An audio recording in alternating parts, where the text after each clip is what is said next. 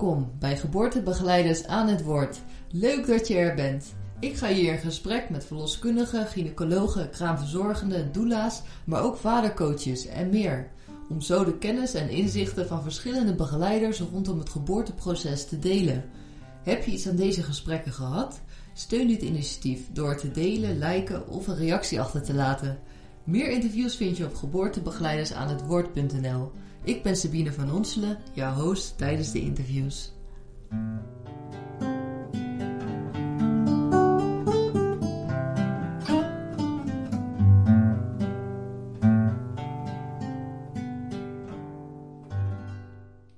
Vandaag stel ik je voor aan Erik Hallensleben, gynaecoloog en psycholoog. In dit interview geeft hij ons een prachtige uiteenzetting van de geboortezorg waar we vandaan komen, wat momenteel de knelpunten zijn en zijn visie voor de toekomst. Daarnaast ziet hij zijn rol als arts als een waar de zwangere centraal staat en hij zo'n begeleiding wil geven dat zij sterker uit haar baring komt. Een mooi verdiepend interview. Voordat je verder luistert, geef ik nog een korte introductie van Erik Hallensleben. Erik heeft voordat hij geneeskunde ging studeren zijn doctoraal behaald in psychologie en enige tijd zijn eigen praktijk gehad. Momenteel is Erik gynaecoloog en gespecialiseerd in begeleidingen met zwangerschappen met een hoog risico en psychogynecologie in het Groene Hartziekenhuis in Gouda. Een belangrijk speerpunt van Erik is goede samenwerking. Nog voordat de integrale geboortezorg te sprake was, zag Erik het belang van goede samenwerking tussen onder andere gynaecologen en verloskundigen. In 1994 is hij initiatiefnemer geweest van toen nog een van de eerste verloskundige samenwerkingsverbanden, VSV, genaamd In Zwang. Het bijzondere van deze VSV is dat zij een innovatieve, moderne behandelmethode hanteren in besluitvorming, het sociocratisch model. Meer hierover in het interview. Veel plezier! Welkom bij weer een nieuwe aflevering van Geboortebegeleiders aan het Woord. Hartstikke leuk dat je er bent. Ik zit vandaag met Erik Hallensleben in het Groene Hartziekenhuis in Gouda. Hallo Erik, bedankt voor je tijd allereerst. Graag gedaan. Ik maak graag tijd vrij voor je. Erik is een uh, gynaecoloog um, en ook heb je psychologie gestudeerd. Een doctorandus daar zelf in gehaald. Uh, voordat we verder zullen gaan over de geboortezorg en, en alle facetten die daarbij komen kijken. Ben ik erg benieuwd hoe u geïnteresseerd bent geraakt in gynaecologie, maar ook psychologie. Die twee, die combinaties en ja, ook een stukje uw achtergrond als u dat wil uh, delen, zeg maar. Oké, okay. ja, natuurlijk. die achtergrond is op zich vrij simpel. Toen ik jong was, ging naar de HBS en toen ik daar klaar was, was eigenlijk het vak van de toekomst de psychologie. Dat is erg lang geleden, want ik ben nu 64, maar in die periode was dat zo. Uh, mijn oudste broer studeerde al psychologie, die is nog steeds psycholoog. En uh, ik vond het vanzelfsprekend eigenlijk dat ik dat dan ook ging doen. Want uh, dat was weliswaar een lange studie, in die tijd was dat zeven jaar. En, uh, maar dat was een echt nieuw vak en uh, dat zou de wereld gaan veroveren. Dus ik vond dat heel erg leuk. Ik heb dat zeven jaar met plezier gedaan. Ik heb ongelooflijk veel geleerd. Uh, alleen toen ik klaar was, toen was er nauwelijks werk te vinden. toen heb ik zelf een jaar bij de GGD voor jongeren gewerkt met suicidanten. Met mensen die zelfmoordpogingen hadden gedaan. En ik had een hele bescheiden eigen praktijk voor mensen die ernstig fobisch waren, zodanig dat ze überhaupt het huis niet meer uitkwamen. Die zaten soms al twee of drie of vijf jaar binnen. Um, dat was onwijs leuk, maar heel intensief. En uh, dat heb ik uh, twee jaar gedaan. En toen uh, begreep ik dat het eigenlijk het perspectief was dat ik of geen werk had, of als ik bij de GGD zou werken, altijd onder een psychiater zou werken. En in die tijd, klinkt oneerbiedig om te zeggen, maar werkte ik bij de GGD onder een psychiater die dermate dom was dat ik dacht, dit ga ik niet mijn hele leven doen. Geen uh, voorbeeldfunctie. Dat was, dat was niet iets wat, waar ik naar uitkeek. Dus toen dacht ik, nou ja, dan moet ik maar wat anders gaan doen. Dus toen heb ik getracht me te laten omscholen tot timmerman. Maar in die tijd was het eigenlijk verboden om onder je niveau te, te gaan omscholen, omdat je daarmee broodroof deed voor mensen die een minder hoge opleiding had. Dus uiteindelijk adviseer... was uw, uw hobby ook, timmer? Te timmeren Ja, ik vond dat heel erg leuk. Ja. En eh, het was een, een ambachtelijk vak en eh, ehm, nou ja, dat leek me ook wel wat. Dus eh, eh, dat heb ik geprobeerd. En, eh, maar goed, daar werd ik afgewezen eigenlijk voor veel dingen, omdat dat eh, als je eenmaal eh, een universitaire studie had, mocht je niet op HBO-niveau ook werk doen. Dus, eh, nou ja, goed. Toen zei ik, ja, wat moet ik dan? Toen zei ze, nou, je kan nog een studie gaan doen. En toen was dat eigenlijk merkwaardig genoeg in een halve dag geregeld. Want toen heb ik mijn diploma als afgestudeerd gynaecoloog opgestuurd. En toen zeiden ze van ja, als je een universitaire studie hebt gehaald, is de kans dat je er nog een haalt heel erg groot. Dus toen kreeg ik een heel hoog inloodcijfer. En toen ben ik ingelood voor de geneeskunde. En de, het idee was, dan word ik wel psychiater, want dan kan ik zelf in ieder geval aan het hoofd staan. Dus dat heb ik, eh, om die reden ben ik eigenlijk geneeskunde gaan doen. En eh, dat heb ik ook gedaan. Ik heb me in het eerste jaar heb ik nog, ik heb over het eerste jaar twee jaar gedaan omdat ik mijn praktijk moest afbouwen, omdat dat niet te combineren was met die fobische mensen de straat op gaan en die geneeskundestudie, want die is best zwaar. Mhm. En toen heb ik eh, gewoon de geneeskundestudie gedaan. En eh, een van de laatste kooschappen, hè, dus vlak voordat je als arts afstudeert, was eh, verloskunde in Leiden. En daar had ik het ongelooflijk naar mijn zin. Ehm, en, maar ondertussen was ik aan het solliciteren alvast voor een plek voor de opleiding psychiater. En daar kwam een vacature vrij, maar er waren toen enorm veel sollicitanten. Dus om te oefenen deed ik mee met de sollicitatie voor de opleiding gynaecologie. Gewoon om even erin te komen. En toen werd ik daar tot mijn verrassing aangenomen. En toen stond ik voor het dilemma, ja, wat ga ik nu doen? Door in de gynaecologie of ga ik toch proberen om psychiater te worden? En, eh, maar ik had het inmiddels zo onwijs naar mijn zin met de gynaecologie en de verloskunde, dat ik daar dacht van, ach, ik was wel oud natuurlijk, althans 36, zoiets. En eh, ja, dan is het niet zo makkelijk om nog in opleiding te komen. Dus ik was ook verbaasd dat ik nog was aangenomen. Maar, eh, en ik leek mij, ja, voor psychiaters niet zo erg als ik wat ouder ben. Maar goed, Ja. dit, eh, dit, Ja. ik was aangenomen. Dus toen ben, heb ik uiteindelijk gewoon besloten, nou ga ik dat doen. En daar heb ik nooit een seconde spijt van gehad. Wat mooi. Ja, en Dus, wat, eh, wat trok u aan gynaecologie? Was dat echt wat op uw pad kwam zo op die manier door? De, ja, Nou ja, ik, laat ik zeggen, eh, eh, binnen de, de gynaecologie is wel een van de vakken waarin psychologie erg handig is. Ehm, het is zeg maar, het gaat per definitie haast over gevoelige dingen, over moeilijke dingen, over heftige emoties en over uit evenwicht raken eh, en weer in evenwicht komen. En eh, nou ja, dat eh, de combinatie van gewoon het vak, wat heel erg een, ook een, een ambachtelijk vak is, verloskunde. Hè. Je hebt heel weinig instrumenten en dingen en moeilijke toestand. Het is gewoon echt een handvak. En het, het contact. En eigenlijk voor mij was dat prettig, want ik ben niet zo heel geduldig. U bent niet geduldig. nou, wel, wel in mijn, in, mijn, in mijn visie op heel lange termijn, maar op zich vind ik het wel leuk als er gewoon ieder half uur of ieder kwartier een ander iemand weer komt.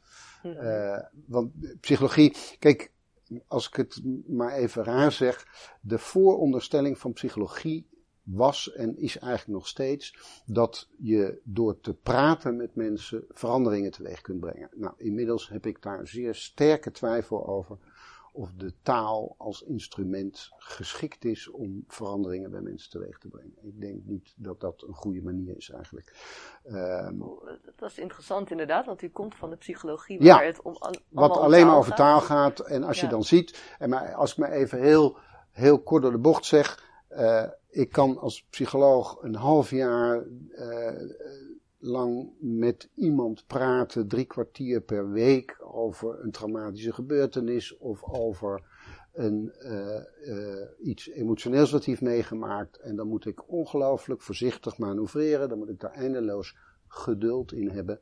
En merkwaardig genoeg, als je een witte jas aantrekt en iemand gaat tegenover je zitten, dan kleedt hij zich in 10 minuten uit op voorwaarde dat hij het vertrouwen heeft.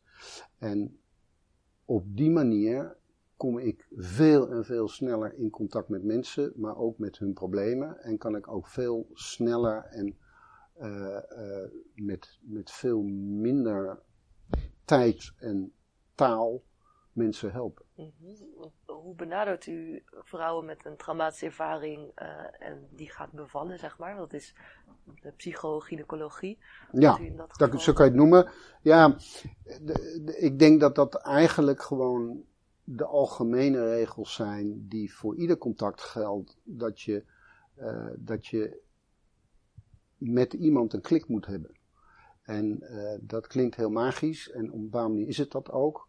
Aan de andere kant zijn er wel manieren waarop je vrij snel met iemand een klik kunt maken.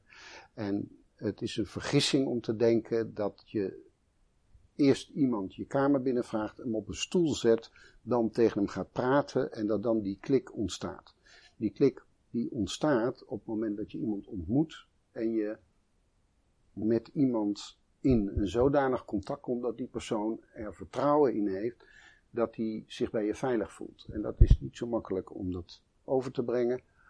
En mhm. dat is goed deels non-verbaal. Dus je hebt in wezen geen taal nodig om die klik te maken. En die klik heb je nodig omdat de bedoeling, als het goed is, is dat je iemand, dat iemand het gevoel heeft dat hij gehoord wordt, zodat je weet waar die voor komt. En dat je hem dan kan helpen en dat je hem dan kan leiden, omdat hij het vertrouwen erin heeft dat als hij gezegd heeft waar hij voor komt, dat jij daar iets mee kunt. Dat is een heel ontwikkelingsproces, lijkt me, gaande. Wat hij zelf al beschreef in de tijd toen hij begon met psychologie. Dat is ook een ander soort tijd. Um, ja. En ook hoe we natuurlijk met elkaar omgaan. Hoe je, wie je kijkt naar je hoogleraar of hè, ja. naar een dokter op zichzelf. Uh, ik hoor hier heel veel, een, een, een, ja, hele open houding, zeg maar. En, uh, ziet u dat zelf ook, die, vers, die verschuiving uh, van Ja, godzijdank wel. Het is natuurlijk, zeg maar, als ik maar zeg, ik heb de tijd mee in de zin dat uh, mijns inziens, hè, als, als, als ik het heel plat sla, dan moet je eigenlijk zeggen, uh, ik heb ontmoetingen met mensen. En de reden dat ik die ontmoeting heb, is dat iemand op een bepaald moment in zijn leven, om mij onbekende redenen, het idee heeft dat een gynaecoloog iets voor hem kan doen. En op dat moment hebben we even een raakvlak. En dat is een raakvlak van twee mensen, waar de een verondersteld wordt meer kennis op dat specifieke punt te hebben dan de ander.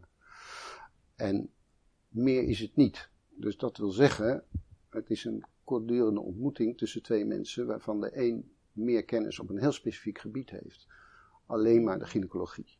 Mhm. Alleen het, het neigt er nogal toe, en dat is toch een beetje de houding die ook in het verleden geweest is dat dokters zich daardoor uh, een, een mening aanmeten over allerlei andere terreinen van het leven van mensen en allerlei visies op wat zou moeten en hoe het zou horen, uh, die ze mee overbrengen met de kennis die ze hebben. En ik ben daar niet zo voor.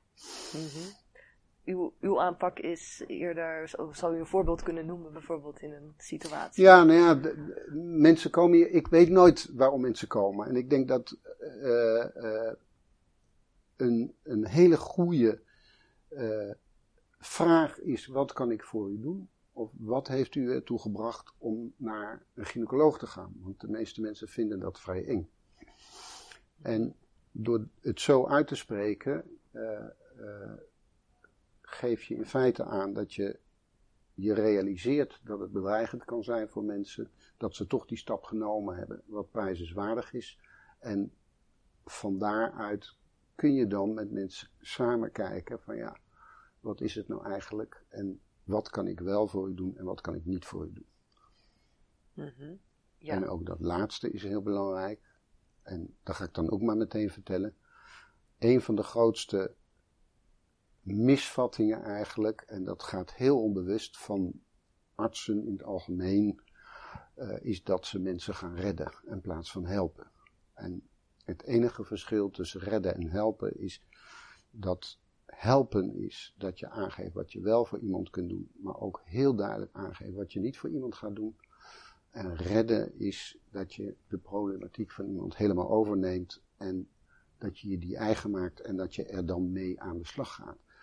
Maar dat is in feite uiteindelijk een vorm van bedrog, want ieder mens moet zijn eigen problematiek dragen. En ik kan alleen maar zeggen, mevrouw, als mensen bij me komen en die zeggen, ik wil mijn baarmoeder eruit, want dit en dit. Nou, dat kan ik niet voor u doen, want dan kom ik voor de tuchtraad en daar heb ik geen zin in. Maar dit stukje van uw lijden, daar kan ik wel wat aan. En dan hebben we een eerlijk gesprek.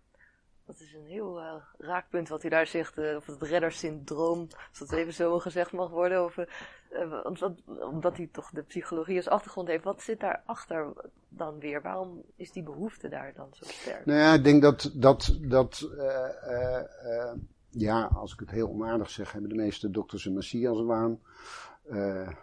die denken dat ze de verlosser zijn. En worden ook een beetje opgevoed in die rol eigenlijk. En het kost, en dat merk je, we zijn een opleidingsziekenhuis, het kost heel veel assistenten die in opleiding zijn ontzettend veel moeite om grenzen te trekken voor patiënten en te zeggen, dit kan ik niet voor je doen, of dit ga ik niet voor je doen. daar, en wat daar dan onder ligt, of dat dan angst is, dat patiënt boos wordt of wegloopt, of dat ze eigenlijk teleurgesteld in zichzelf zijn, dat ze het probleem niet hebben kunnen oplossen. Kan van alles aan de grondslag liggen, daar moet je dan naar jezelf naar kijken om dat te weten te komen. Maar ja. Uh, ik denk dat het essentieel is dat patiënten weten wat de dokter wel voor ze doet en ook wat hij niet voor ze doet. Ja, dus dat heeft echt een enorme meerwaarde is dat geweest eigenlijk uw studies daarvoor. En ja, voor mij wel. Ik vind het, ik vind het, uh, uh, ik heb er zelf veel aan. En ik vind het een prettige manier van werken, dus ik vind het leuk dan om mensen te zien. Ja, inderdaad. En, en, ook gelijkwaardigheid wat er dan inderdaad in speelt. Ja. En, uh, om, uh, om even naar de geboortezorg te gaan, integrale geboortezorg, daar uh, maakt u zich hard voor. En u heeft, bent zelfs de initiatiefnemer van VSV en ook nu de voorzitter van Inzwang. Um, dat is ontzettend mooi natuurlijk, die, die, ja, wat u, waar u naar wilt streven. Wat, wat is daar de drijfveer? Waar, waarom bent u de VSV begonnen, zeg maar, daarin, of de initiatiefnemer daarin geweest? Ja, we hebben, we hebben hier, en misschien, want dat moet misschien voor, voor de luisteraar ook. Mm de verloskunde was traditioneel eigenlijk in twee zuilen geregeld. Je had de eerste lijn en de tweede lijn. Op het moment dat iemand of hoge bloeddruk of iets anders kreeg, ging hij naar de tweede lijn, kwam hij niet meer terug in de eerste lijn. En de eerste lijn, dat zijn dan de verloskundigen, en de tweede lijn is dan de dokter in het ziekenhuis. En dat is heel lang zo geweest. En uh, er is, zeg maar, en dat, dat, dat weet je denk ik wel, maar dat weet misschien niet iedereen, dat er aanwijzingen waren dat wij binnen Europa eigenlijk meer perinatale sterfte hadden. Dus dat hier meer kinderen rond de baring doodgingen dan elders. Nou, je kan eindeloos discussiëren of dat nou wel of niet zo is. Op zich doet dat er niet zo heel veel toe, want dat heeft in ieder geval een beweging in gang gezet waarin men gezegd heeft, jongens, die verloskundige zorg, die twee kampen, die naast elkaar leven en eigenlijk heel weinig interactie met elkaar hebben, dat kan niet meer. En dat heeft ook wel met een ontwikkeling in de tijdgeest te maken, dat men zich realiseert dat het handiger is en logischer is en ook van een soort zelfbewustzijn van de cliënten dan wel patiënten getuigt, dat je de zorg rondom de zorgvraag organiseert en dat je daarin de persoon aan wie je die zorg biedt centraal stelt en niet de organisatie zoals die er ligt. En dat je niet mensen zegt, ja mevrouw, uh, u moet nu naar het lab en dat is pas morgen open en dan moet u de volgende week voor een echo, want dan kan dat pas. He, dus dat je niet zegt, dit is het instituut, zo werken wij en u komt hier te gast. Nee, eigenlijk hoor je als hulpverlener te gast te zijn, kortdurend in het leven van iemand en van daaruit zorg te verlenen.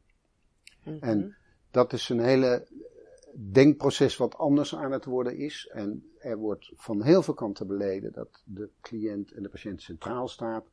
Uh, dat is ook omdat de verzekeraar dat belangrijk vindt. En dat is eigenlijk een onderdeel van het maatschappelijk discours geworden. Dat zijn de termen die je moet noemen. Wil je subsidie krijgen? En dat is de terminologie. Als je dat tegen de verzekeraar zegt, dan is die tevreden en dan krijg je je geld weer. Uh, terwijl er in wezen nog erg weinig veranderde. En als je kijkt, er is nogal wat verandering nodig om echt goede zorg aan zwangeren te leveren eigenlijk naar mijn idee. En die zorg zal echt heel anders georganiseerd moeten worden. Mhm. En waar zitten vooral de valkuilen in het huidige zeg maar, systeem wat een transitie is? Nou ja, toen wij, wij zijn uh, twintig jaar geleden, uh, toen ik hier kwam, uh, iets meer nog, 23 jaar geleden of zoiets. Toen zijn we ooit met een groep verloskundigen bij elkaar gaan zitten. En toen was eigenlijk was er toen een koude oorlog tussen die twee partijen, waar iedereen tevreden mee was. Dus toen werd er eigenlijk niet echt gepraat. dat, dat, liep keurig langs elkaar heen. Je had de eerste tweede lijn, niemand zeurde daarover. Er was ook geen enkele druk van buitenaf eigenlijk. En toen zijn we eens met een groep bij elkaar gaan zitten. Eerste, tweede lijn zeiden we, stel nou eens dat we allemaal uh, vandaag uit het ei kruipen en dat we gaan kijken naar hoe de verloskundige zorg nu georganiseerd is. Is er iemand hier die het ooit nog zo zou organiseren. En met zo bedoel ik dat we een eerste lijn hebben met een eigen dossier, met alles erop en eraan. Dat die eerste lijn een patiënt helemaal in kaart brengt, alles opschrijft, begeleidt. Dan krijgt die mevrouw hoge bloeddruk. 50% van de zwanger eindigt in de tweede lijn, halverwege. Dan, dus en dan gaan we bij mensen waar we eigenlijk voor de helft al van weten dat die overgaan naar een andere hulpverlener, gaan we vervolgens, dan hebben we de kaart van de verloskundige en bij 30 weken of zo krijgt die mevrouw een uitdraai van die kaart, die krijgt ze dan mee. Dan gaat die mevrouw naar het ziekenhuis, dan wordt die kaart daar ingescand of ingelezen of overgeschreven, heel vaak. Dan gaat vervolgens de dokter een compleet nieuw dossier maken over diezelfde cliënt. En die gaat dan vervolgens alles opnieuw uitvragen aan die mevrouw, wat er nou gebeurd is. En dan gaat hij vervolgens gaat hij van daaruit hulp verlenen. En dat kan dan alleen nog maar in het ziekenhuis, omdat die mevrouw niet meer in de eerste lijn is. En op die manier, zeg maar, zitten we volstrekt langs elkaar heen twee gescheiden systemen in stand te houden over één patiënt en over één zwangerschap die negen maanden duurt. Nou ja, dat is van afstand gezien volstrekte waanzin. Als je al negen maanden hebt die een zwangerschap duurt, dan is het minimum wat je zou kunnen doen zorgen dat er één dossier is. Je bent natuurlijk helemaal gek als je voor iets wat negen maanden duurt, voor de helft van de mensen twee dossiers gaat aanmaken. Dan, dat is al vragen om problemen. Dan moet je niet gek vinden dat de communicatie niet goed loopt. Mhm. Dus alleen dat al hè, is een, een, een, een, denkfout. En de tweede denkfout is wat ik net zei: dat iedere zwanger heeft een stuk, groot stuk fysiologie en een klein stuk pathologie. En soms is dat heel klein en soms is dat heel groot. Maar in alle gevallen ligt er een overlap binnen één persoon. En dat betekent per definitie dat eigenlijk beide zorgverleners, type zorgverleners en liefst meerdere type zorgverleners betrokken zijn bij die ene cliënt. In plaats van dat die cliënt in één keer van ik had vandaag nog zo'n mooie fysiologische zwangerschap. Toen vond de verloskundige mijn kind te klein. En toen opeens kwam ik in het circuit van het ziekenhuis waar echo's, bloed, uh, weet ik wat allemaal gedaan werd. En ik uh, aan banden gelegd werd, letterlijk en figuurlijk. He, dus een hele traumatische ervaring soms. Terwijl ze een kwartier geleden nog fysiologie was. He, dus die, dat stuk fysiologie, dat is er nog steeds. Dat moeten we ook goed bewaken. En wij moeten alleen voor die pathologie er zijn. En dat zou onze opdracht moeten zijn. Ja. En eigenlijk, naar mijn idee, zou die cliënt of patiënt daar erg weinig van moeten merken. Dat die te maken heeft met zo'n complexe wereld. Die zou gewoon als vanzelfsprekend zich ingebed moeten voelen in de zwangerenzorg. En die zou zich begeleid moeten voelen in dat hele proces. Uh, en hoe, hoe, we dat dan moeten doen, daar kunnen we nog over hebben. Maar dat zou mijns inziens. Ja. En dat was eigenlijk waarop wij dus kwamen met elkaar. Uh, toen hebben we gezegd, ja, dan moeten we kijken of we dat tot stand kunnen brengen. En welke dingen moet je dan doen? Nou, dan moet je eerst eens met elkaar praten. En wat doen jullie nou eigenlijk? En wat doen wij? Welke folders geven jullie? Welke folders geven jullie? Wat vertellen jullie nou eigenlijk over pijnstingen? Wat vertellen jullie? Dus op die manier kan je dan gaan kijken van ja, we hebben één zwangere. Die krijgt in de eerste lijn voorlichting. En in de tweede lijn slaat ook helemaal nergens op. Dus laten we gewoon kijken hoe we die zorg logisch kunnen maken voor die cliënt. En dat we die cliënt het gevoel geven dat die ingebed is in een regio of een systeem waar die veilig is. Nou, zo zijn wij en dat was helemaal voor enige dwang of wat dan ook. Dat is heel goed gegaan. We hebben een heel leuk verloskundig samenwerkingsverband toen opgericht uh, in Zwang. En dat bestaat dus al twintig jaar eigenlijk. En uh, die, dat is nog steeds zo. echt, echt de voorloper van alle. Ja, er zijn één of twee die ook al heel lang samenwerken. Uh, Roos en, uh, en paar in Amsterdam die, mhm. die al heel lang samenwerken. Nou, wij zijn wel een van de eerste en, die dat op deze manier deden. En dat bevalt eigenlijk nog steeds heel goed. Ja, dat zou ik ook meteen, als we het hierover hebben, in zwang en ook de, jullie manier van communiceren. Dat doen jullie op een sociocratische manier, zeg maar. Dat is, was voor mij een nieuw woord wat ik ontdekte. Ja. Kunt u daar wat over vertellen? Want het klonk heel inspirerend. Nou, dat, dat eventjes, hè, waar, tot welke conclusie kwamen. We, mhm. we werden pas, uh, zeg maar, op zich ging die samenwerking goed. En toen kwam opeens het rapport van Koos van der Velde, uh, een goed begin, waarin stond dat het allemaal anders moest. En eigenlijk heel veel dingen, Koos van der Velde is bij ons ook geweest, bij Inzwang geweest om inspiratie op te doen. Hij heeft ook een aantal elementen uit onze samenwerking overgenomen voor zijn rapport. Uh, um, en toen moest het allemaal anders. En een van de dingen was, ja, dat moet geformaliseerd worden. Er moet een netwerk komen van samenwerking. En dat netwerk moet gezamenlijk de zorg organiseren. Nou, dat is op zich een, een, een logische gedachte, ook een logische consequentie uit wat ik hier voorafgaand gezegd heb. Alleen kwamen we toen in een, in een heel lastige situatie. En waarom? Ten eerste waren er vijf partijen die heel ongelijkwaardig waren het, was, het was het ziekenhuis, die heeft er belang bij dat de zwangeren in zo'n ziekenhuis bevallen. Dat is een onderdeel van hun uh, verdienmodel, zou ik maar zeggen. Uh, er zijn gynaecologen die er belang bij hebben, er zijn verloskundigen die er belang bij hebben, er is kraamzorg die er belang bij heeft, kinderartsen, uh, tweelijnsverloskundigen. Dus er waren heel veel verschillende partijen. En die partijen zijn niet alleen verschillend qua achtergrond, maar die zijn ook verschillend qua gewicht. En gewicht kan je op veel manieren uitdrukken. En ik zal je een voorbeeld geven. Stel dat we dat, dat, we dat uh, democratisch zouden doen. Dan zeg je, oké, de meerderheid beslist.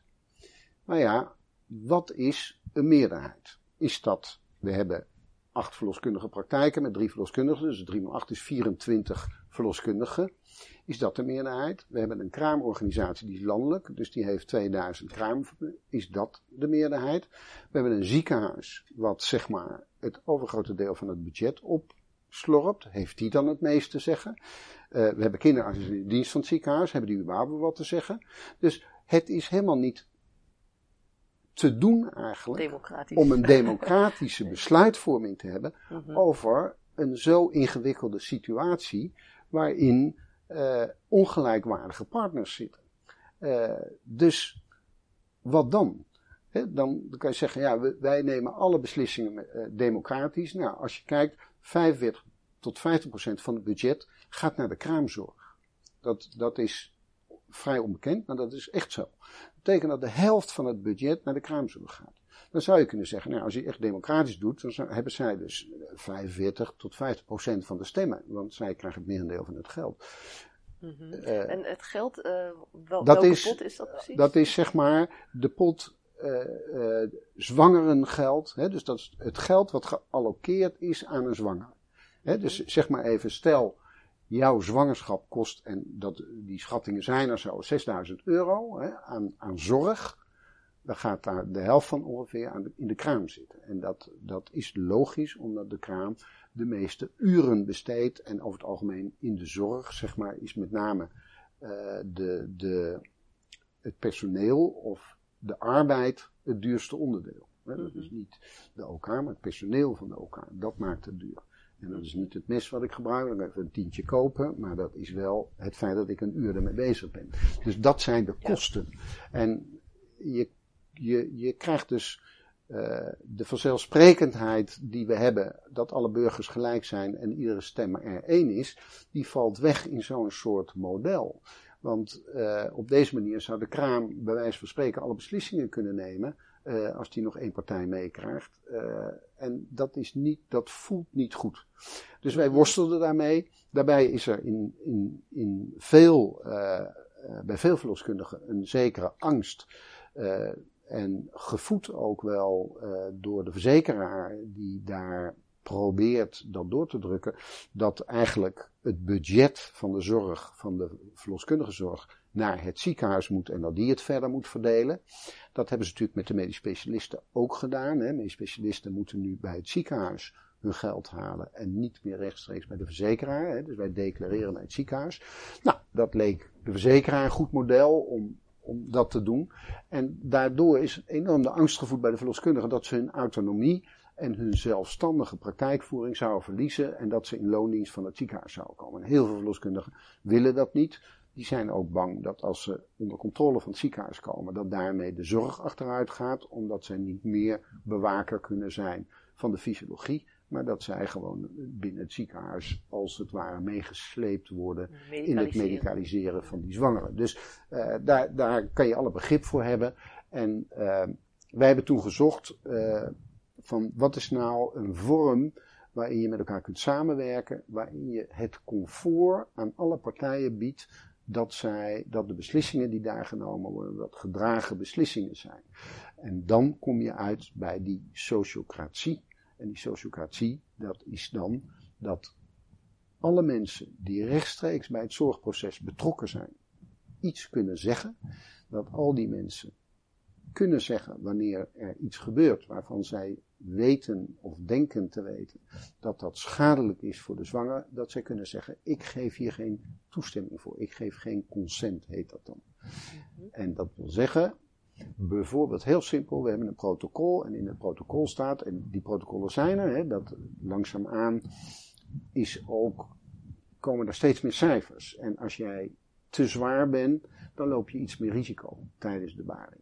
En dat leidt tot de reflex, oh, dan moet je in het ziekenhuis bevallen. Zeer de vraag of het beter is, maar die reflex is er.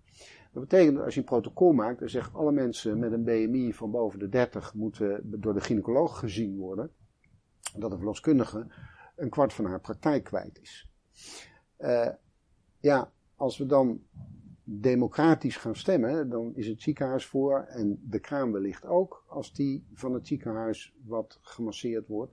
En dan neem je dus democratisch iets aan wat eigenlijk mogelijk helemaal niet in het belang van de cliënt is en schadelijk is voor de verloskundige praktijk. Dus uh, ja, daar, daar loop je dan tegenaan.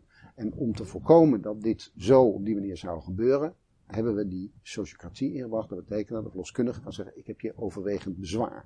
Ik heb bezwaar tegen dit protocol, want dat betekent A, dat ik mijn praktijk kwijtraak, maar B, ik denk ook dat het niet goed is voor de zwangere.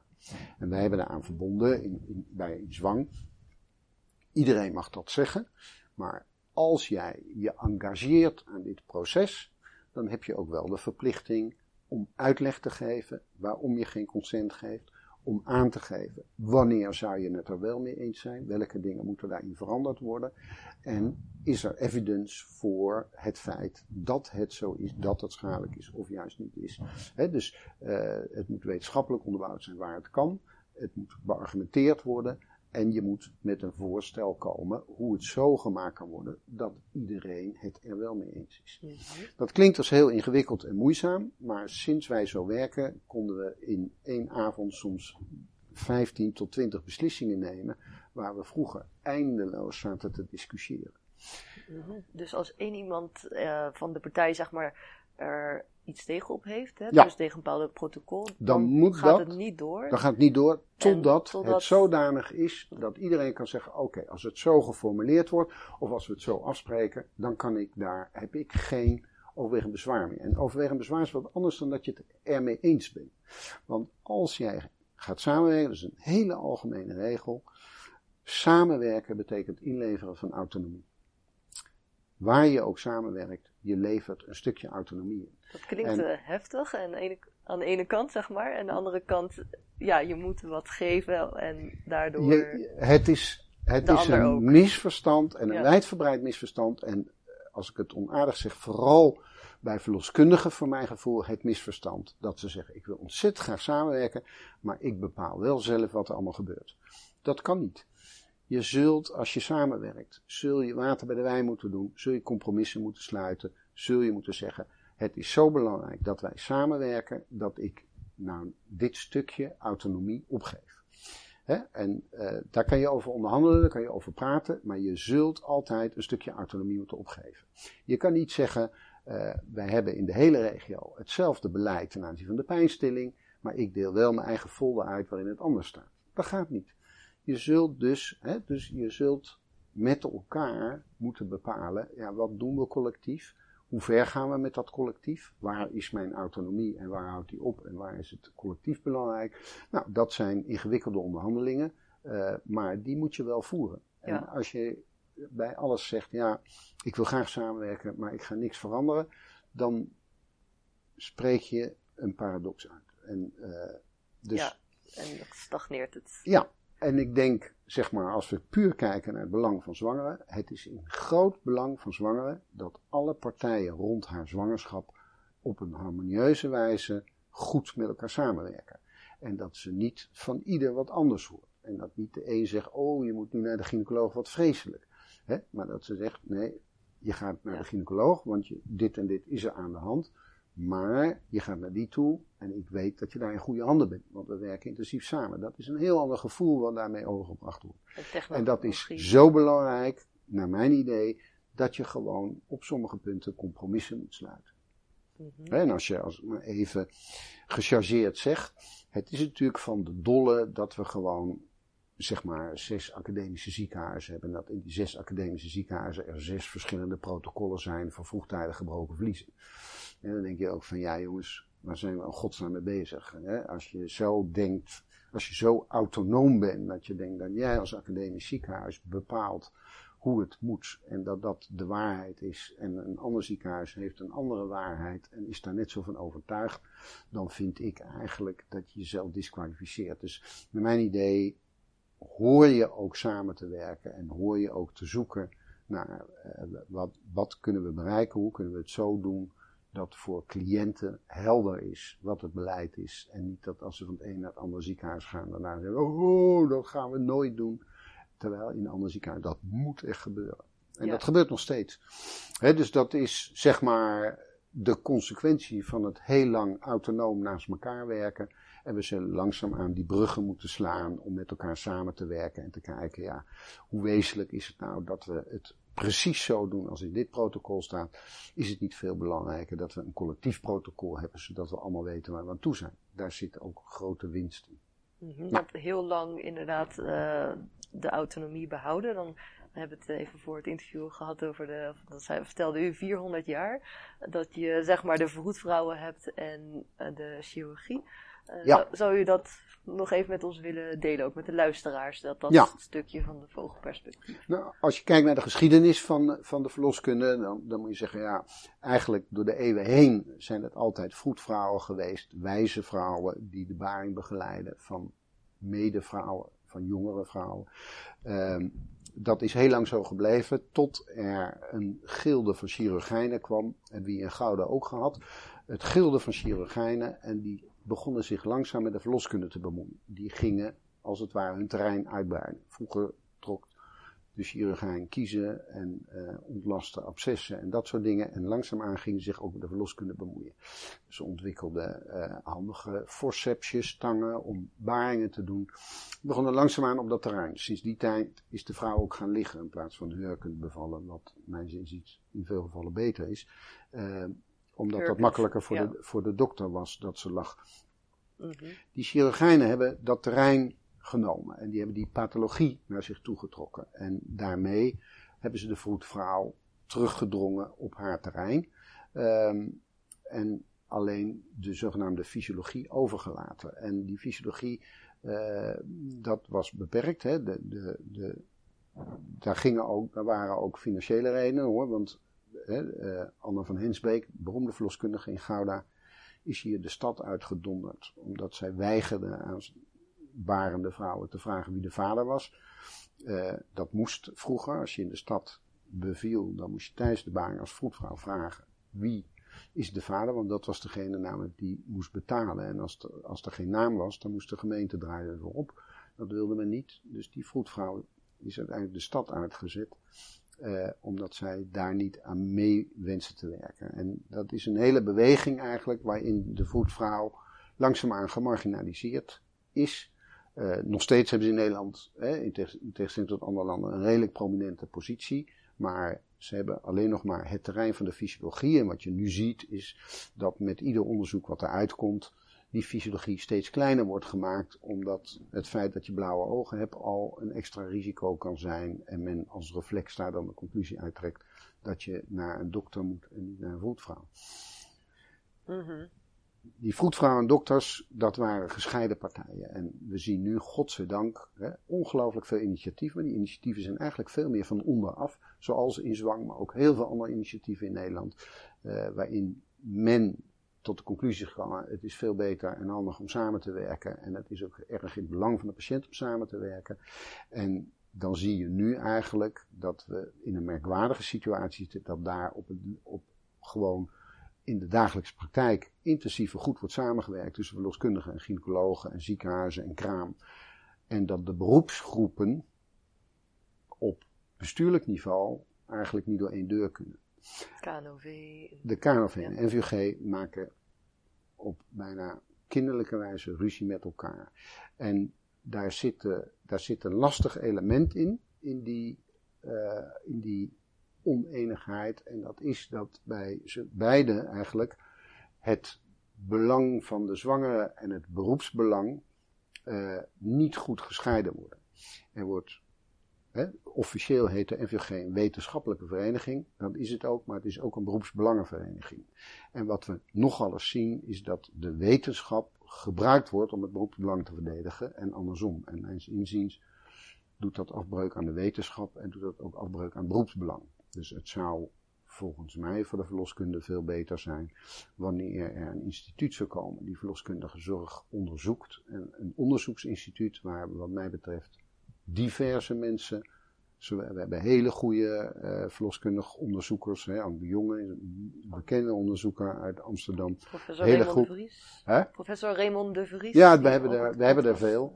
Uh, we hebben ook hele goede gynaecologische uh, onderzoekers. En mijns inziens zou het terrein, het wetenschappelijk terrein van de verloskunde, een gezamenlijk terrein moeten zijn daarvan. En zou het beroepsbelang daarvan losgekoppeld moeten worden, zodat we een veel zuiverder discussie hebben. Ik heb niks tegen het verdedigen van beroepsbelangen. Verloskundigen hebben beroepsbelangen, gynaecologen hebben beroepsbelangen. Daar moet ook plek voor zijn. En er moet ook iemand zijn die je daarvoor opneemt. Daar is niks op tegen. Alleen door het vermengen daarmee met wetenschap krijgen we nu dat dat uiteindelijk voor cliënten uiterst bedreigend is, omdat de een publiceert met veel bombarie onderzoek waarin de thuisbaring levensgevaarlijk is en de ander publiceert een onderzoek waaruit blijkt dat het eigenlijk veiliger is om dat te doen. En voor de gemiddelde cliënt is dat niet meer uit elkaar te halen. Nee. Dus dat is jammer en dat zou ernstig verbeterd kunnen worden door één wetenschappelijk instituut die uitspraken doet waarbij de beroepsgroepen zich gaan conformeren omdat het gewoon evidence-based is. Ja, de plannen zijn er bij Mid Midwifery Science in uh, Maastricht om een koppel te maken tussen een uh, verloskundige student en een gynaecoloog student. Ja, die te laten dat klopt. Hè? Je hebt, je hebt uh, de Community of Practice heb je daar, die hebben ze opgericht, waarin ze veel meer de verbinding zoeken en waarin de, de Verloskundige Academie Maastricht contact zoekt met de universiteit en samen optrekt in het opleiden van artsen, gynaecologen, co-assistenten en studenten in de verloskunde en samen kijken wat zijn nou eigenlijk onderzoeksvragen die in het veld leven en of ze dat samen kunnen oplossen. Dus dat zijn mooie initiatieven. Die komen steeds meer, uh, gelukkig. En uh, dan komen we denk ik langzaam op het verloskundig samenwerkingsverband. Want oh, dat is dat, een van de even, redenen. Dat was mijn vraag een half uur geleden. Ja, ja, maar dat, is even de, de brug. En, uh, nee, heel belangrijk. Je, ja. je zei, ik ben voorzitter van mijn eigen VSV in Zwang. Nou, langzaamaan ben ik dat aan het afbouwen omdat ik het te druk heb. Maar ik ben nu bezig met het oprichten van een federatie van VSV's. Omdat ik denk, hè, het VSV is eigenlijk een relatief nieuw orgaan. Het heeft een heel belangrijke positie in de zwangerenzorg. En het krijgt ook uh, van veel instanties die positie. Hè. De IGZ stuurt mij brieven als voorzitter van het VSV. Het Zorginstituut Nederland heeft een, uh, een zorgstandaard gemaakt waarin het VSV een belangrijke rol speelt en waarin het VSV ook allerlei taken toebedeeld krijgt. Alleen is men helaas vergeten om het VSV te positioneren in dit hele veld. Dus het VSV is eigenlijk een fantoom. Als je kijkt, de meeste VSV's het merendeel is een vrijwilligersorganisatie van mensen die goed bedoeld in hun vrije tijd, s'avonds nog aan protocollen en zorgpaden en al dat soort dingen zitten te werken. Die roerend hun best doen om te zorgen dat ze goede verloskundige zorg leveren, maar die niet gefinancierd wordt en niet geïnstitutionaliseerd zijn. En uh, dat begint zich te wreken langzaamaan.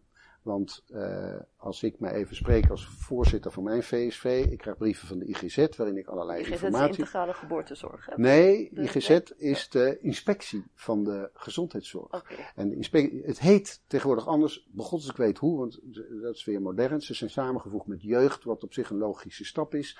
Uh, en even een nieuwe naam, maar iedereen kent het nog onder de inspectie uh, voor de zorg eigenlijk, voor de hele zorg. En die hebben, die controleren uh, VSV's. Maar VSV's als zodanig bestaan niet. Dat zijn vrijwilligersorganisaties. En datzelfde geldt voor het Zorginstituut. Nu moet ik bijvoorbeeld een cliëntenraad, hoor ik te hebben. Uh, een cliëntenraad is een vrij officieel orgaan. Hè? Daar zijn allerlei regels voor en de statuten, weet ik wat allemaal. Maar ja, ik ben zelf niks.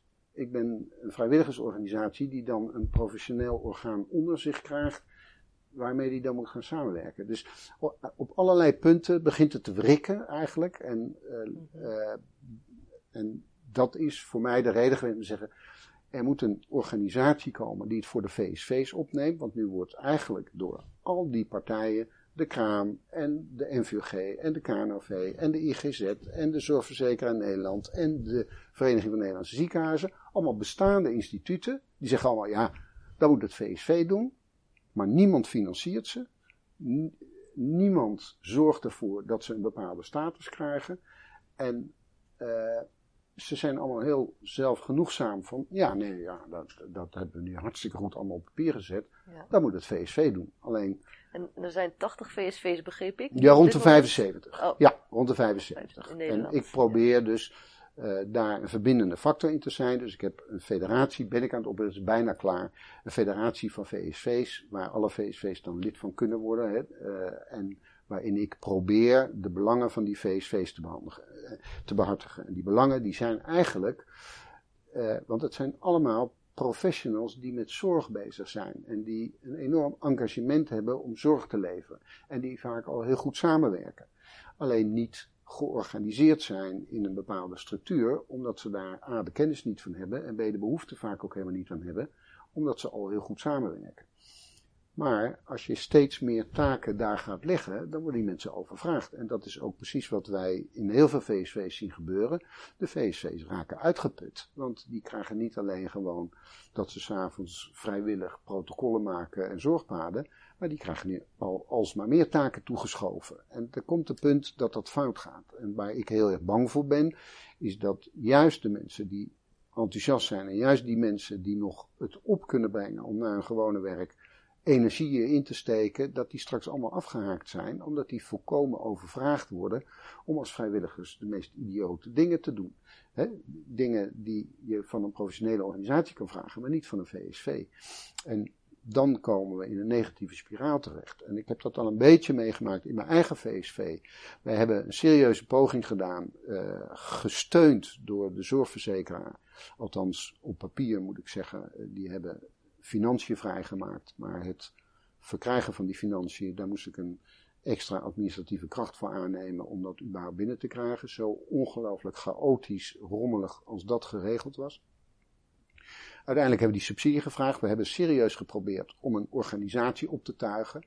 Maar daar liepen we tegen zo onvoorstelbaar veel problemen aan. En dat, die problemen zijn vergelijkbaar met de problemen waar ik het over had. Alleen al, hoe neem je een besluit in een VSV? Dat is al ongelooflijk moeilijk, omdat die partijen zo ongelijkwaardig zijn. En als we het dan hebben over financiën, en zo'n partij moet in één keer een hele pot geld krijgen, dan hebben we het over miljoenen, en die moet dat onderling gaan verdelen. Zoveel gaat naar de kraam, zoveel gaat naar de verloskundige praktijk, zoveel gaat naar de gynaecologen. En dat moet gedaan worden door mensen die in feite op geen enkele manier daarvoor opgeleid zijn. En die eigenlijk, hè, de meeste zorgverleners zijn softies, die, die smelten al als ze een zielige patiënt zien, en zo hoort het ook, want daarvoor zijn ze hulpverlener geworden, dat is niet de groep die hard onderhandelt. Nee, dan mag je ook niet te veel verlangen daarvan. Nee. nee. Ja. Maar een ziekenhuis bijvoorbeeld, die schrijft zijn manager commerciële zaken naar voren. Ja. Die is wel gewend om te onderhandelen.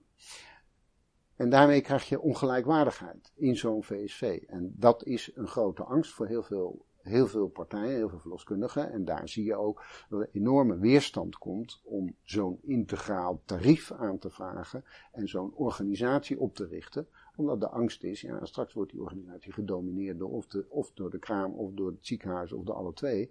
En dan zijn wij als verloskundigen, maar ook als gynaecologen, onze autonomie kwijt. Mm. En, en worden we eigenlijk uh, uh, in loondienst genomen. Terwijl de meeste verloskundigen zelfstandig ondernemers zijn. Ja, dus die angst is wel gegrond. Ik denk dat die angst terecht is. Ja. En uh, ik denk dat, dat we er wordt met de mond beleden, ja, zo'n zo'n integraal tarief, dat is maar een middel om een bepaald doel te bereiken. Maar dat wordt zo ongelooflijk opgedrongen aan de VSV's, dat je langzaam sterk het gevoel krijgt dat met name bij VWS het helemaal niet meer een middel is, maar een doel op zich geworden is. Om te zorgen dat die VSV's te komen en dat integraal tarief aan die VSV's. En met name de zorgverzekeraar en VWS sturen daar heel erg op en die proberen dat tegen de klippen op, zou ik haast zeggen, door te drukken. En ik denk dat het een slecht idee is. Uh, ik denk dat daar waar mensen, waar een VSV eraan toe is en het zelf wil, dat dat prima is, dat dat fantastisch is. Maar onvoorstelbaar veel VSV's zijn nog helemaal niet in de fase dat dat kan. Die zijn nog in de fase, en na 400 jaar strijd tussen vroedvrouwen en chirurgijnen, kun je niet verwachten dat in 10 jaar dat allemaal weg is, die historie. En ze nu zeggen, kom, we gaan gezellig samen het geld verdelen. Zo gaat dat niet. Dat is naïef om dat te denken en uh, schadelijk als je dat met geweld probeert op te dringen. Dus welke stapjes zou daarvoor Nou, ik denk dat, dat uh, ten eerste is het zeer de vraag hè, of een hele zware structuur en het geld bij zo'n zware structuur leggen en het dan gaan verdelen, of dat überhaupt zinvol en nodig is. Of dat nou überhaupt een oplossing is. En voor welk probleem zou dat een oplossing zijn. Een veel lichtere netwerkorganisatie waarin iedereen zijn eigen financiering houdt en waar we knelpunten oplossen, zou een veel eleganter model zijn naar mijn idee. En zelfs al komen we uiteindelijk tot de conclusie dat die zware organisatie nodig is, dan nog zul je tussenstappen daarin moeten hebben waarin je als VSV kunt zeggen, ah, we zijn een erkend VSV, maar we hebben nog allemaal wel ons eigen tarief. Maar we werken wel op inhoud ongelooflijk goed samen. En zo'n model moet er naar mijn idee heel snel ontwikkeld worden.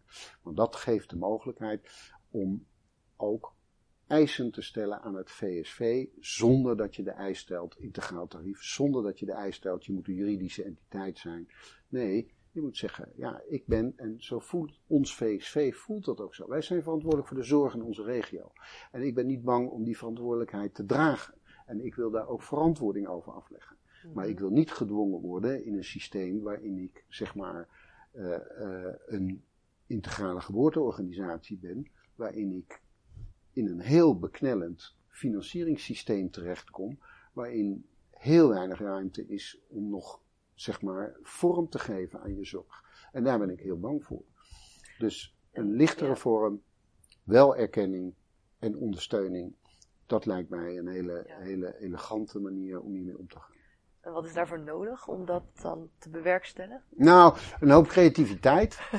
en even heel anders. Heel anders, maar toch hetzelfde. Ja. Ik ga zo om, uh, oh de klok heb ik stilgezet, want die tikte te veel. ik ga zo uh, naar een overleg, een regio-overleg. Mm -hmm. En daar zit ik in als bestuurder van de medisch specialisten in dit ziekenhuis. Dat is een overleg waar verschillende partijen bij elkaar komen om met elkaar te praten. Hoe kunnen wij zorg aan heel kwetsbare ouderen nou zo organiseren dat we niet pas in actie komen als die persoon met een gebroken heup op de SEH is. Maar hoe kunnen we zorgen dat we in een veel eerder stadium kunnen voorkomen dat die in zo'n kwetsbare positie komt. Daar, heb ik, daar kom ik precies dezelfde problematiek tegen. Op het moment dat bestaande instituties gaan samenwerken, constateer je, die instituties zijn ongelijkwaardig, want de een is landelijk, de ander is heel regionaal, de derde heeft alleen maar geld voor preventie, maar mag het niet uitgeven aan zorg. Nou, er zijn, er zijn ongelooflijk veel drempels die weggenomen moeten worden, wil je de zorg echt centreren rond de persoon. En uh, die, al die regelgeving belemmert enorm goede zorg eigenlijk. En mhm. door nu weer een regionaal instituut te gaan optuigen met al die partijen, dan ben je tien jaar verder. Dat eindigt in ruzie en dat gaat nooit wat worden. Terwijl nu die partijen bestaan, die willen ook graag samenwerken. Dus met kleine stapjes eens kijken hoe kunnen we een stukje, stap voor stap, die zorg verbeteren. En daar waar knelpunten zijn, positief overleggen met de verzekeraar en zeggen: joh, kan jij hier iets mee? Dat lijkt me een veel begaanbare weg waarin we veel sneller stappen gaan maken dan eerst een moloch optuigen uh, en dan pas zorg gaan leveren. Ja, nou, dat is een heel duidelijk verhaal op dat opzicht. Uh, is er nog tijd voor een, uh, nog ja, vraag? Tuurlijk, ja, hoor. Ik uh, even van op een ander vlak. Hè, dat mag. U, u, gaf aan, u bent al 64. Uh, u heeft een enorme carrière achter de rug. Uh, en, en ik ben benieuwd welke ja, ik denk misschien wat uh, cliché of, lastig, maar ik ben benieuwd welke bevalling is bij u een van de meest bijgebleven en, en waarom? Wat vindt u zeg maar belangrijk tijdens de bevalling? Dit is meer voor de vraag voor de uh, moeders en partners die, uh, die luisteren. Ik denk dat, dat, dat je. Een verloskundige in onze regio heeft geformuleerd wat haar doel is. En ik vind dat heel erg mooi. Haar doel is dat iedere zwangere sterker uit haar bevalling komt dan ze erin ging. En dat, dat klinkt heel zweverig, maar het is essentieel. In feite hoor je een zwangere zodanig te begeleiden dat hij, als het kind geboren is, het gevoel heeft dat hij sterker geworden is. En daar zeg ik zeer uh, expliciet bij dat dat helemaal losstaat van de wijze van bevallen. En wat bedoel ik daarmee? Daar bedoel ik mee dat naar mijn idee, uh, want dat was het tweede deel van je vraag, welke is je het meeste bijgebleven? Ik heb een vrouw gehad die was twee keer bevallen, die had dat gewoon bevallen, zo heet dat dan. Voor haar was het extreem traumatisch. En die wilde, ook al had ze een prachtige zwangerschap en had ze heel mooi kunnen bevallen, wilde een keizersnee. En wij hebben samen echt in goed overleg besloten dat dat voor haar de beste manier van bevallen was. En daarmee kreeg zij zo'n controle over, zeg maar, uh, haar eigen zwangerschap, uh, dat zij na die keizersnee, dat zij dat zeg maar, gedaan had en dat besluit genomen had. Er waren heel veel mensen in haar familie en omgeving die zeiden: eh, Je moet gewoon bevallen en het is een grote operatie. Ik, zij, zij bleef daarbij dat dat voor haar helend zou zijn. En dat hebben we ook gedaan. En dat is mij bijgebleven, omdat dat iemand was die echt het gevoel had dat hij gekozen had voor wat voor haar het beste was. En ik vond dat heel mooi. Mhm. En uh, wat, wat, was haar grootste angst of punt waarom ze zeg maar die, dat andere besluit nam, zeg maar? Want... Nou, dat, dat, dat kan je eigenlijk nooit helemaal precies achterhalen. Ieder mens heeft een historie en die historie is heel uniek. En die historie die begint al met de verhalen die haar eigen moeder verteld heeft over hoe het ging bij de geboorte uh, van, van jou voordat je überhaupt uh, zover bent dat je nu zelf zwanger bent. Dus de familiehistorie speelt daar een rol in, de ervaring van mensen, wat je hebt meegemaakt op je werk, wat je hebt meegemaakt als kind, wat je ooit gehoord hebt of op televisie gezien hebt. Er zijn zo ongelooflijk veel factoren die jouw beeld van zwangerschap en baring, zeg maar, begeleiden en al voordat je überhaupt zwanger bent bepalen. Uh, daarbij is gewoon gynaecologie een heel kwetsbaar vak, omdat het heel intiem is, omdat het gaat over een vagina en dat het gaat over geboorte, wat een heel kwetsbaar moment is voor vrouwen. Ook een heel sterk moment, maar ook een heel kwetsbaar moment. Dus ik kan daar in feite -hmm. Nooit een oordeel over hebben. Ik kan nooit, ik kan vanuit mijn professie dingen daarover zeggen. Maar ik kan nooit kijken wat het voor iemand anders betekent. En dat moet ik ook niet willen. Dat is, een, dat is niet mijn terrein. Ik hoor mensen te begeleiden in dat hele proces. Hun geschiedenis nemen zij mee. En we moeten samen kijken hoe kunnen we zorgen dat jij sterker uit je bevalling komt. En het zal mij een worst wezen op welke manier dat gebeurt. En natuurlijk moet ik soms zeggen, dit kan ik wel voor je doen en dit kan ik niet voor je doen. Ik ga niet de 28 weken een keizersnee doen, want dan kom ik zelf voor de tuchtrechter. En ik denk ook dat dat geen goede zorg is. Ik denk ook niet dat het in het belang is van jou of je kind. Maar dit kan ik wel voor je doen. Ik kan je wel beloven dat je een keizersnee krijgt als jij er echt om vraagt. Dus je zult moeten onderhandelen. Mhm. Zet hem. Daar ging even de telefoon van een patiënt voor uh, meneer Erik Hallensleben. We hebben het over het voorbeeld uh, van de vrouw die een keizersnede vroeg omdat ze een hele traumatische bevalling hiervoor heeft gehad. Um, waar u, u aangaf van voor u is het belangrijk dat de patiënt er een, een, een goede ervaring aan overhoudt. Uh, en dat het zeg maar niet zo snel is. Dat, althans, dat nam ik aan van, oh, u wilt een keizersnede, nou, daar gaan we voor zorgen. Het is meer voor u vooral het verhaal en de geschiedenis daarachter. Um, ja. ja, en dan moet ik toch je ietsje nuanceren. Ja, uh, want dat is ook een beetje een ontwikkeling waar ik me zorgen over maak. Uh, een baring is geen leuke ervaring. Een baring doet pijn. Een baring is heel intensief en loodzwaar. Daar kan ik niks aan doen. Alleen, een baring is intens en mijns inziens hoort die intensiteit eraan bij te dragen dat een vrouw een beter zelfbeeld heeft en sterker is als ze daaruit komt. Dus ik ga er niet voor dat het een leuke beleving is. Ik ga ervoor dat ze sterker uit haar baring komt. En we weten allemaal, het is flauwekul om te denken dat een baring een hartstikke gezellig iets gaat worden. Dat is soms zo, dat kan, maar een baring is gewoon heel intens en ingrijpend en verandert je leven. Dat moeten we accepteren. En wij hebben de verantwoordelijkheid om te zorgen dat iemand na de baring het gevoel heeft dat hij controle heeft gehad, dat hij zelf zijn beslissingen heeft kunnen nemen, dat er meegevoeld en meegedacht is, ook met de pijn en ook om het zo goed mogelijk te doen. Maar we gaan niet beloven, je hebt geen pijn. En we gaan ook niet beloven, het wordt leuk. Nee, wij gaan beloven dat we alles gaan doen om te zorgen dat je sterker wordt als je die baring achter de rug Ja. Dat is eigenlijk het streven. Dat is een heel mooi streven. Nou, de laatste vraag, ik wil het heel kort houden, maar Ja. deze stel ik altijd eh, aan iedereen, omdat ik het Dat eh, is een mooi. mooie vraag vind. Ehm, wat is uw visie of droom de komende vijf jaar dat u nog ver- zou willen verwezenlijken? Ik zou heel erg gelukkig zijn als het mij lukt om de verloskundige samenwerksverbanden een positie te geven, waardoor ze optimaal de zorg kunnen leveren in hun eigen regio's. Dat zou ik heel graag willen.